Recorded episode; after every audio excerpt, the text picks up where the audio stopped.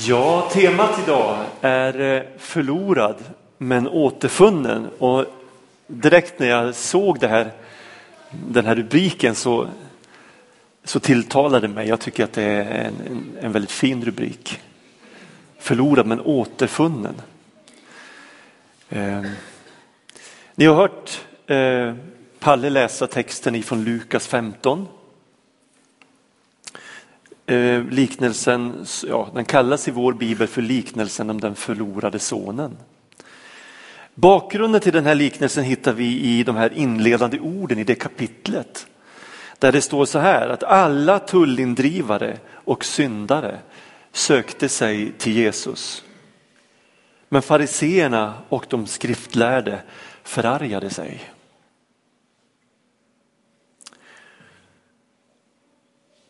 Och det här är ju eh, ett, ett, ett ganska vanligt fenomen.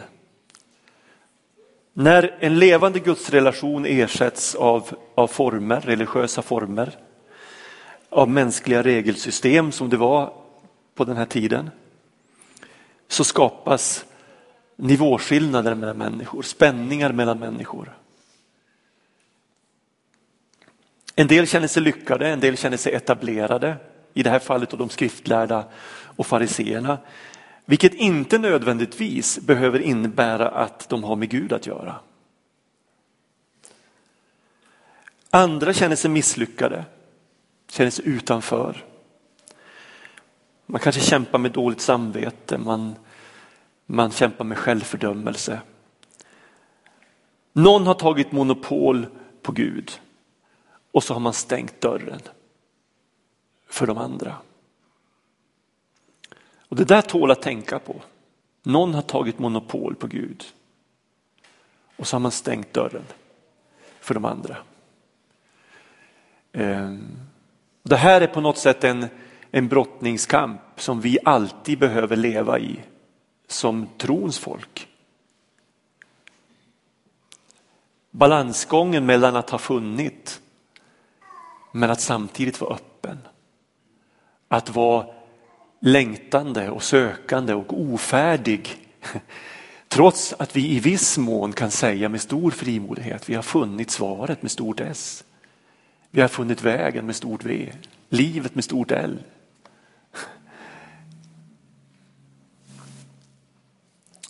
Mitt i det här spänningsfältet så gör Jesus det han så ofta gjorde, han stör den här maktbalansen.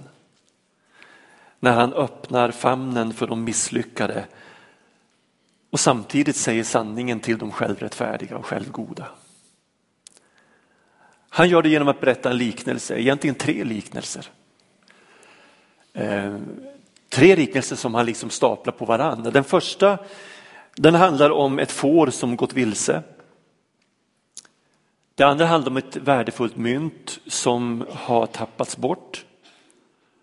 Och eh, den tredje handlar om den här sonen då som gör revolt eh, och eh, sätter sig själv i en svår knipa. Jag ska inte säga så mycket om de här två första liknelserna men det finns, det finns några väldigt tänkvärda detaljer. Och man kan ju undra varför berättar Jesus tre liknelser? Den första handlar ju om ett får som som har kommit bort ifrån jorden, som har gått vilse. Och, och som, som har hamnat i trubbel, kanske utan att egentligen ha tänkt det från början. Alltså det, det, blir, det blir fel. Fåret har kommit vilse och behöver hjälp för att hitta hem. Och så där kan det ju vara i livet och jag tänker mycket idag när, när människor saknar väldigt mycket av, av rottrådar och, och historiska perspektiv. Och, vad ska, man, vad ska man rätta sig efter? Vad, vad, ska en ung människa idag som aldrig har hört talas om Jesus, som aldrig har fått någon, någon, någon tro som bär i livet, som, som kanske får klara sig väldigt mycket på egen hand. Vad ska, man, vad, ska, vad ska guida mig genom det här livet? Det är lätt att komma fel. Det är lätt att gå vilse. Att komma bort. Och att hamna i en situation där jag, där jag faktiskt behöver någon som hjälper mig att hitta hem. Det andra, det är faktiskt någonting som förloras i huset. Mitt i gemenskapen, mitt i, ja, i huset. Där tappas penningen bort. Och det säger, säger mig att man kan, man kan faktiskt gå förlorad mitt i gemenskapen. Kanske till och med mitt i en kristen församling. Så kan jag liksom tappas bort. Och eh, jag tänkte på vad Linda berättade här, saker händer i livet. Man, man kanske blir bitter. Man fastnar på vägen. Och den tredje liknelsen det är ju en, en, en, en son som faktiskt gör revolt. Alltså han, han på, på, med, med, liksom med tydlig riktning så säger han jag vill bort härifrån, jag vill ut i världen Eh, och leva mitt liv. Jag vill inte att någon annan ska bestämma över mig utan jag vill ta kontrollen över mitt liv och leva det som jag vill. Tre olika liknelser. Ehm, och den liknelsen den kallas då den liknelsen om den förlorade sonen i våra biblar. Och jag, jag tycker egentligen att det är, är för snävt. Den skulle lika gärna kunna heta liknelserna om de förlorade sönerna. Men kanske ännu hellre så borde den heta liknelsen om den älskande fadern. För egentligen tycker jag det är som är själva poängen i hela den liknelsen. Eh, den här liknelsen har nämligen två uddar. Jesus vänder sig både till de här syndarna och, och, och de här eh, tullindrivarna som de här skriftlärda förargade sig så över att Jesus umgicks med. Och han vänder sig också till de skriftlärda. Och han säger egentligen att båda de vägar ni går leder till att ni går förlorade.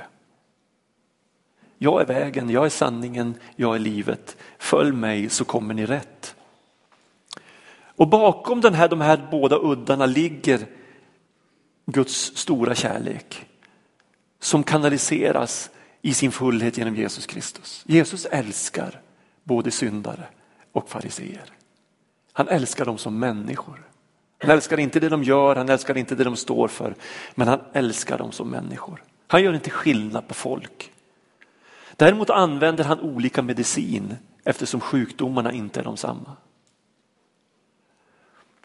Jag ska kort återberätta några detaljer och fakta kring den här berättelsen om sonen som kan vara bra att ha med sig när man sen bearbetar den här liknelsen. Att sonen, i det här fallet den yngre då, eh, begär att få sitt arv medan hans pappa fortfarande lever var och skulle säkert idag också uppfattas som oerhört oförskämt och som, som en respektlös handling. För han säger egentligen, jag önskar pappa att du vore död.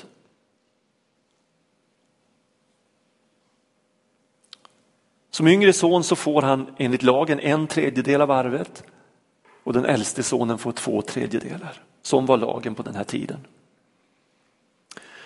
Jag tänker mig att när Jesus börjar berättelsen om den här sonen så får eh, de som lyssnar liksom från första stund en motvilja mot den här upproriske sonen. De nickar säkert instämmande när Jesus liksom låter den här berättelsen fortskrida. Och de nickar när han efter en tid hamnar i stora problem. De tänker säkert så här, ja men ett, ett sånt liv kan ju bara få en konsekvens. Självklart så mister han allt och det är inte mer än rätt. Han får skylla sig själv. Och det där det tänks säkert mycket mer än det sägs, därför att vi är så fina så vi säger ju inte på det sättet. Vi säger ju inte han får skylla sig själv, hon får skylla sig själv. Men det tänks säkert mycket, mycket mer än vad det sägs. Han blir utstött från sitt folk, han kan inte fira sin, sin, liksom utöva sin tro. Han, han är ensam med sin skuld, han är borta från Gud. Och han ber att få vakta svin och det här var ju den absolut sämsta sysselsättningen en judisk man kunde göra. Egentligen gjorde aldrig en judisk man något sånt. Att vakta svin. Men ordvalet som står i den här texten, berättelsen, säger oss att han mer eller mindre tvingar sig på den här svinbonden. Han limmar sig fast vid bonden. Han, han ger bonden inget val. Utan han tvingar sig på honom för att få vakta svinen. Så desperat är han i sin utsatta situation. Och han, han önskade att han skulle få äta av de här fröskidorna som svinen åt. Det var egentligen en, en frö, eh, skidor ifrån Johannesbrödet, ett, en växt. Och det, det här, det här, de här skidorna användes i stort sett bara som djurfoder. Men det fanns ett talesätt och det är säkert det talesättet, det ordspråket som Jesus anknyter till när han berättar den här liknelsen. Judarna sa nämligen så här, när en jude är hänvisad till Johannesbrödets frukter, då omvänder han sig. Det var ett uttryck, ett talesätt för att ha nått botten. Och Det där talesättet är vi ju inte främmande för, att nå botten. Vi, vi, vi tänker ofta så och erfarenheten visar ofta det att om en människa har slagit in på en väg som leder mot botten så måste man nå botten först. För att på något sätt kunna vända om och, och viljan och beslutet ska bli så starkt att man faktiskt går hela vägen, att man vänder om. Han hade nått botten, han åt av svinens mat. Och där bland svinen händer något i sonen. Han börjar längta tillbaks. Han börjar längta hem. Han börjar formulera böner. Han ångrar sig. Han ödmjukar sig och han vänder hem, utfattig, smutsig med trasor på kroppen. Och han är plötsligt beredd att bekänna nästan vad som helst. Han är beredd att bekänna sin synd inför både människor och Gud. Tittar man på Jesu undervisning så, så är det här med omvändelsen absolut nödvändigt. Inte bara för vissa utan för alla, för alla människor. Alla måste vända om. Tiden är inne, säger han i Markus 1, Guds rike är nära, omvänd er och tro på budskapet. Och jag tänker mig att omvändelsen har tre steg. Jag vet egentligen inte om det hjälper så många att analysera omvändelsen men någon kan det säkert hjälpa för vi är olika som människor. Och jag tänker mig att omvändelsen har tre steg. Första steget det handlar om att på något sätt erkänna mitt behov. Att rent förståndsmässigt konstatera att jag, jag fixar inte det här. En sorts inventering som leder till att det finns en stor brist. Och nyckelorden i den här fasen av omvändelsen är ärlighet och ödmjukhet. Den andra fasen i omvändelsen det är att jag ångrar mig och jag, det börjar födas en, en tanke, tänk om jag kunde ställa allt detta till rätta. Tänk om jag kunde göra någonting åt min situation. Och vad gör man då? Jag kanske är som sonen i berättelsen, jag börjar formulera böner. Kanske hade jag bett så ärligt och från hjärtat förut. Men nu börjar jag formulera böner som verkligen bottnar i mitt innersta, i djupet av mitt innersta. Böner som inte är fromma och tillrättalagda utan som är, som liksom är desperata, som är ärliga, sanna.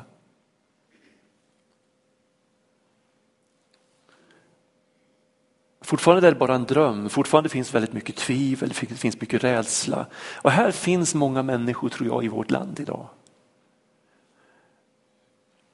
Man har genomskådat alla ytliga svar man ställer ärliga frågor.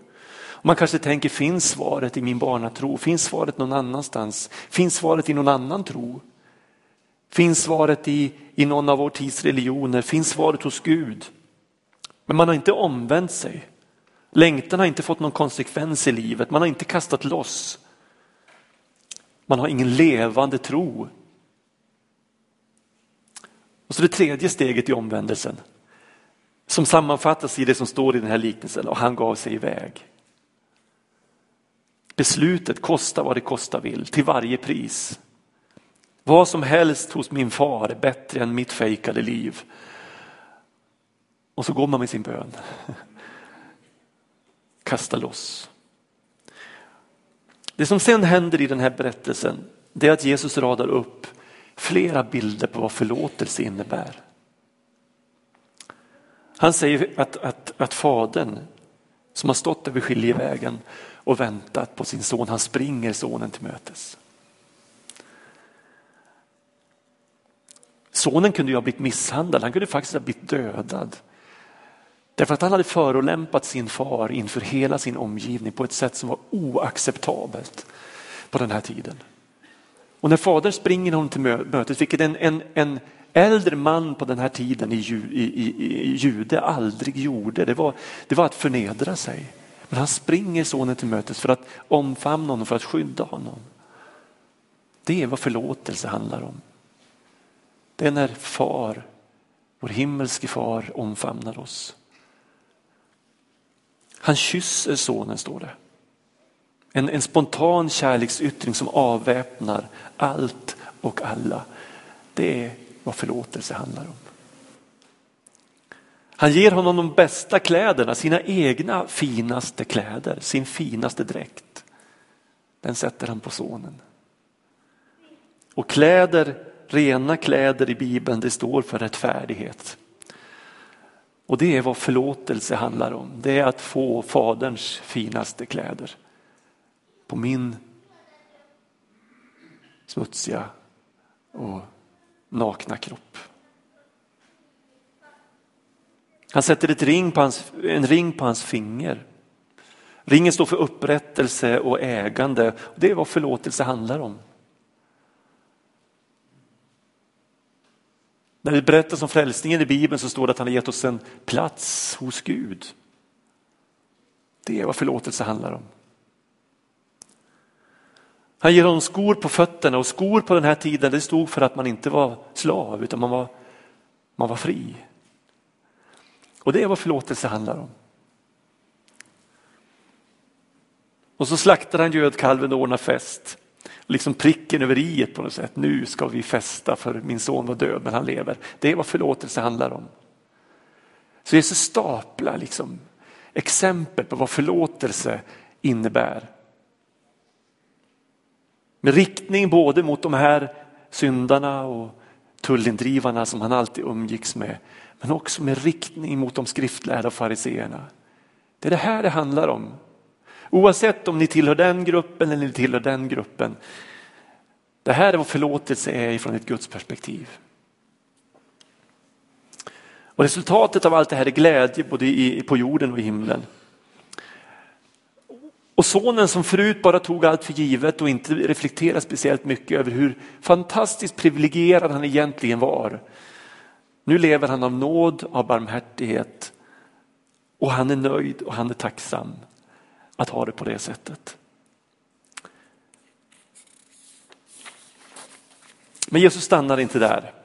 Utan han fortsätter den här berättelsen bortanför det som Palle läste. Han säger så här, men den äldste sonen var ute på fälten och när han på vägen hem närmade sig huset så hörde han musik och dans. Han kallade på en av tjänarna och frågade vad som stod på. Och tjänaren svarade, din bror har kommit hem och din far har låtit slakta gödkalven därför att han har fått tillbaka honom välbehållen. Då blev den äldre brodern arg och ville inte gå in. Fadern kom ut och försökte tala honom till rätta. Men han svarade, här har jag tjänat dig i alla dessa år och aldrig överträtt något av dina bud. Och mig har du aldrig gett ens en killing att fästa på med mina vänner. Men här kommer han hem, din son som har levt upp din egendom tillsammans med horor. Då slaktar du gödkalven. Fadern sa till honom, mitt barn, du är alltid hos mig. Allt mitt är ditt. Men nu måste vi hålla fest och vara glada för din bror var död och lever igen. Han var förlorad och är återfunnen. Din och min reaktion på den här berättelsen i sin helhet alltså visar vilken udd som är riktad mot dig, vilken udd som är riktad mot mig. Fylls du av hopp, fylls du av glädje och tänker, är det verkligen sant? Bryr Gud sig verkligen om mig? Får jag komma? Får jag vara med? Fast jag har slösat bort så mycket i mitt liv. Ja, då har du redan identifierat dig med den upproriske sonen som trotsar sin far, försvinner hemifrån men får komma hem och få börja om. Men tycker du att den här berättelsen känns orättvis? Och tänker tankar som jag har ju aldrig lämnat tron. Jag har alltid försökt göra mitt bästa. Jag har alltid varit plikttrogen. Är det inte värt någonting? Kvittar det hur man lever? Får alla samma lön ändå? Det daltas i samhället, ska det daltas i kyrkan nu också? Då är du självgod. Då behöver du omvända dig för att inte gå förlorad. För du är på väg att stänga dörren för dig själv till Guds rike. Och gång på gång visar Jesus att han viker inte en tum. På det här området kompromissar han aldrig. Förakt för andra människor, vilken människa det än handlar om, är oförenligt med gemenskap med Gud. Guds erbjudande om nåd och förlåtelse gäller alla människor lika mycket. Och nu ska jag gå in i den sista delen av min predikan. Jag säga tre saker. Första saken, så enkelt och ändå så svårt. Jesu liknelse här är ju egentligen ganska enkel. Den är väldigt lättförstådd och den berör oss. Den som vänder om, den som ber Gud om förlåtelse får allting överstruket. Får tillbaka sitt liv, blir insatt som son, får sitt barnaskap hos Gud, får tillbaka sitt hem, sina rättigheter och blir föremål för den fullkomligaste kärlek. Så enkelt är det. Och ändå är det så svårt. Det är inte svårt att komma bort från Gud. Det är bara att använda alla Guds gåvor i livet utan att tänka på varifrån de kommer. Utan att tänka på hur givaren önskar att de ska användas. Det är bara att leva som om den här världen vore det enda och att vi klarar oss själva. Att vi klarar oss utan bön, utan hjälp, utan råd, utan Gud. Så enkelt är det att komma bort ifrån Gud. Så det är inte svårt. Men det som är svårt, det är att bryta med det här livet. Man behöver komma till besinning, man behöver bli väckt. Man behöver inse att det hjälper faktiskt inte om jag vinner hela världen men förlorar min själ, förlorar min Gud. Och det blir inte lättare när man har levt ett långt liv och måste konstatera att jag satsade fel. Jag valde en väg som förde bort. För många kostar det prestige att, att vända om. Det är svårt att erkänna att man missat hela poängen. Man missat meningen med livet. Och, och faktiskt säga som det är, jag har syndat. Jag är inte värd Guds kärlek. Får jag bara säga att den här kampen kring omvändelsen, den tjänar inte ditt syfte. Den tjänar den ondes syfte. För han vet att när du väl har omvänt dig så kommer du aldrig att ångra dig.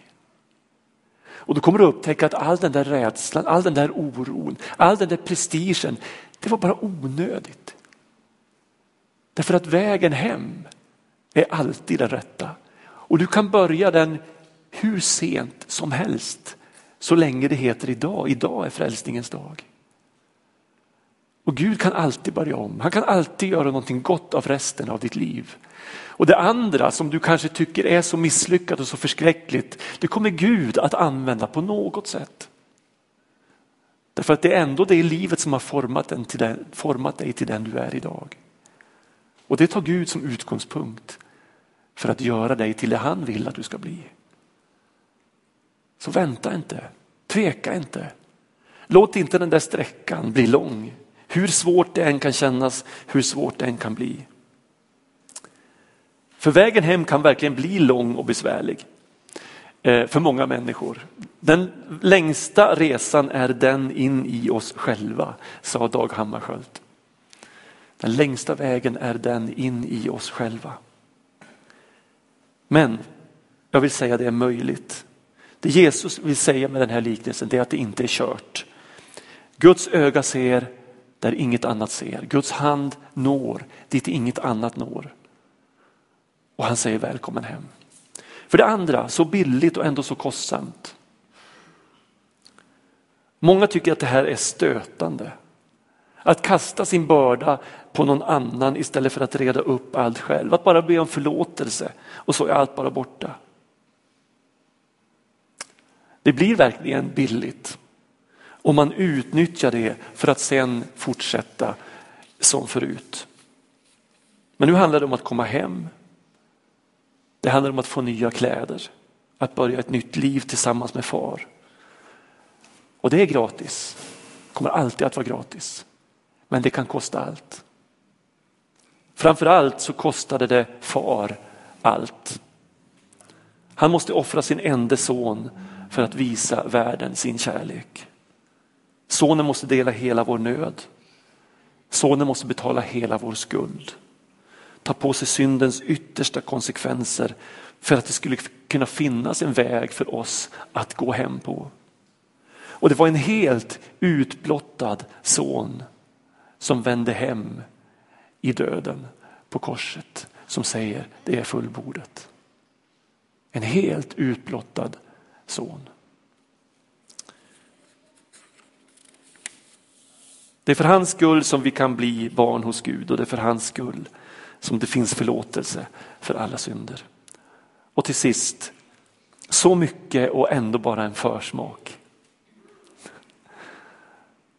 Det var verkligen mycket som sonen fick när han kom hem. Mycket mer än han hade kunnat drömma om. Han blev inte dräng som han hade tänkt, han blev son. Han möter en far som varken grälar eller som han behöver vara rädd för, utan som skyndar emot honom. Som kysser honom, ställer till fest, ger nya kläder, ger honom ringen på fingret, skorna på fötterna. Och det är verkligen mycket man får som kristen. Mycket, mycket mer än vad man hade kunnat drömma om eller föreställa sig. Och ändå är det bara en försmak. Här är mötesplatsen där far finner oss förlorade barn och klär oss i sina rena kläder. Men sen för han oss upp för trappen, in i själva festsalen. Fadershuset med de många rummen. In i festen och där fattas inget, säger Bibeln. Där är Stig. Där är Per. För evigt i Guds obegränsade värld. Och jag vill säga någonting till sist om far, för jag tycker det är, för mig är far den stora behållningen av den här berättelsen. Far som gör det starkaste intrycket, han som är beredd att förlora sonen för att få honom igen. Bara äkta kärlek hör hemma på gården. Allt annat är dömt att misslyckas. Far vet att de sanna bönerna föds i livets bottenupplevelser. Där läggs grunden för det trogna kärleksfulla förhållandet. Far som aldrig har slutat vänta, som dag efter dag har ställt sig vid skiljevägen, spanat efter sin son, väntat efter att få springa honom till mötes. Far som inte ser trasiga kläder, som inte ser smutsen, som inte ser den utmärglade kroppen, utan som bara ser sin son. I de förlorades länder har vi ett värde så länge vi har, så länge vi ger, så länge vi gör. Men i Faderns ögon så har vi ett värde som söner och döttrar. Vad vi än har gjort. Trots att vi inget har. Och trots att vi inget kan göra. Så har vi värdet. Far som möter, omfamnar, kysser och ordnar fest. Och far som vädjar till den äldre sonen att göra gemenskapen fullständig genom att komma med. Far, sån är han. Ska vi be.